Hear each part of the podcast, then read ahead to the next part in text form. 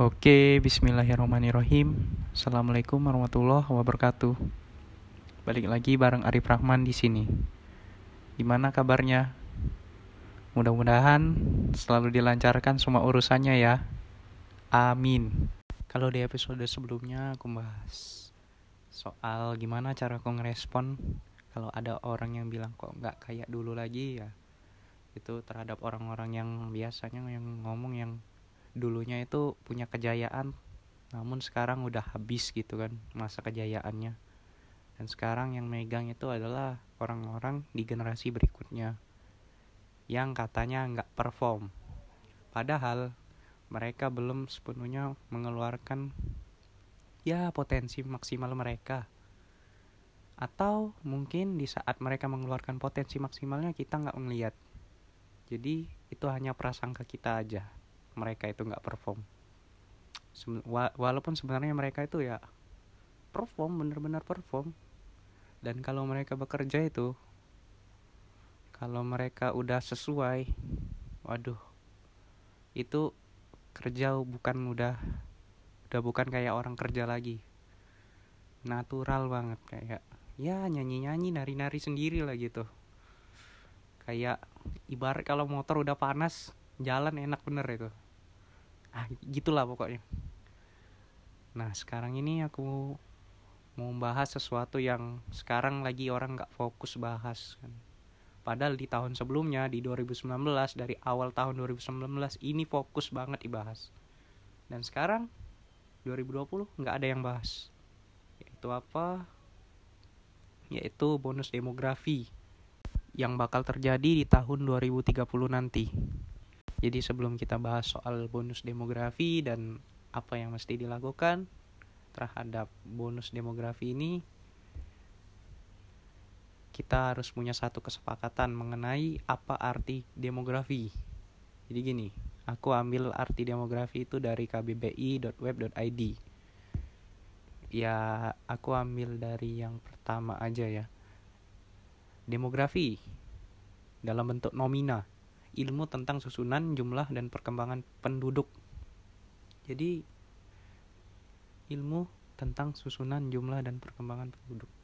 Jadi, suatu perkembangan penduduk bukan yang kita fokusin di sini memang karena jumlahnya lebih besar daripada biasanya di rentang usia 15 sampai 64 atau usia produktif. Dan berita soal bonus demografi ini aku lihat di halaman Kominfo. Berita Kominfo cari aja. Soal bonus demografi 2030 search di Google spasi Kominfo. Di situ pasti ada. Baca aja enggak apa-apa. Oke untuk sumber udah kita sepakati ya tadi ya. Oke sedikit cerita nih soal bonus demografi ya kan. Yaitu bertambahnya jumlah penduduk di usia 15 sampai 64 atau usia produktif, usia kerja. Jadi usia yang produktif ini lebih banyak daripada usia yang di bawah umur 15 sama usia yang udah uzur atau di atas 64. Jadi harapannya ke depan Indonesia ini bakal tumbuh secara ekonomi karena jumlah usia produktifnya lebih banyak. Tentunya kita juga harus melihat sisi negatifnya juga. Jikalau kalau pertumbuhan usia produktif ini membesar gitu. Karena semakin besar pertumbuhan penduduk yang usia produktif maka persaingannya juga semakin besar bukan? Jadi nggak sembarangan ini. Tentu banyak yang harus diseleksi orang-orangnya. Tentu juga lapangan pekerjaan harus dibuka seluas-luasnya dan ini tentu mengarah pada usaha UMKM. Wah. Dan ini bukan bukan aku yang harusnya bicara itu. Tapi pengusaha-pengusaha UMKM yang udah sukses.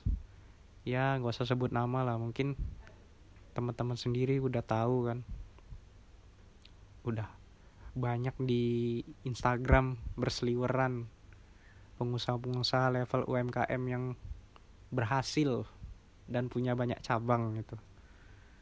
Silahkan cari sendiri aja. Nanti kalau aku ngasih referensi mungkin salah juga kan. Mungkin bukan UMKM lagi usahanya. Di tahun ya depan-depan. Mungkin perusahaannya udah besar banget kan. Udah corporate. Who knows gitu kan. Jadi kalau aku sebutin sekarang nanti berubah. Jadi ya udah silakan cari aja sendiri gitu kan. Di Instagram banyak serius kalau statusnya yang viral-viral yang bermanfaat itu biasanya pengusaha UMKM itu. Yang udah maju usahanya udah banyak cabang udah banyak pasukan penjualannya atau resellernya gitu. Whatever lah pokoknya UMKM go. Nah di sini aku mau berpesan ke teman-teman yang sekarang kelahiran kalau aku kelahiran 97 98 99 yang angkatan 2018 kuliah sih. Ya kemungkinan kelahiran 2000 ya 2000 2001 ya kan. Yang aku lihat ya udah dari SMA-nya megang smartphone mungkin kan berbeda karakternya kan. Cara berkomunikasinya multitasking gitu kan. Aku lihat orang-orangnya. Ya tidak menunggu kemungkinan nanti budaya kerja juga akan berubah gitu kan sesuai dengan mereka. Dan juga mereka perlu banyak persiapan untuk ke depannya maka dari itu aku pengen ya sedikit berpesan lah untuk teman-teman yang di sana nanti akan memegang era tersebut ya kemungkinan. Dan aku berusaha untuk di era sekarang ini berinvestasi waktu dan ya menceritakan pengalaman-pengalaman di podcast ini bisa didengar di episode-episode sebelumnya dari awal sampai episode ya 19 20 itu isinya cerita semua pasti. Ada sisi pencerita-ceritanya oke lah. Untuk selanjutnya aku mau ngasih tahu dua hal dua hal aja. Oke yang pertama jangan pernah berbohong.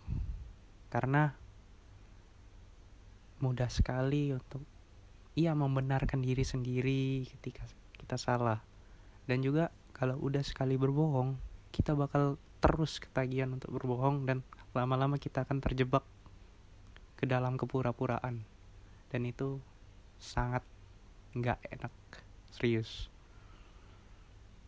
Aku pernah mengalami itu. Aku pernah juga dibohongi berkali-kali ditipu dan sebagainya oleh teman-teman sendiri oleh rekan rekan ya oleh dosen untuk oleh siapa pun ya. Rekan bisnis pun juga ya. Oleh perempuan juga semua ya. Banyak juga yang berbohong yang sangat tidak enak. Ketika kita udah terlalu banyak waktu habis oleh kebohongan seseorang atau sekelompok orang yang sebenarnya mereka gak mau untuk bergerak di satu tujuan bersama kita. Itu kenapa aku ngelarang teman-teman di sini untuk berbohong.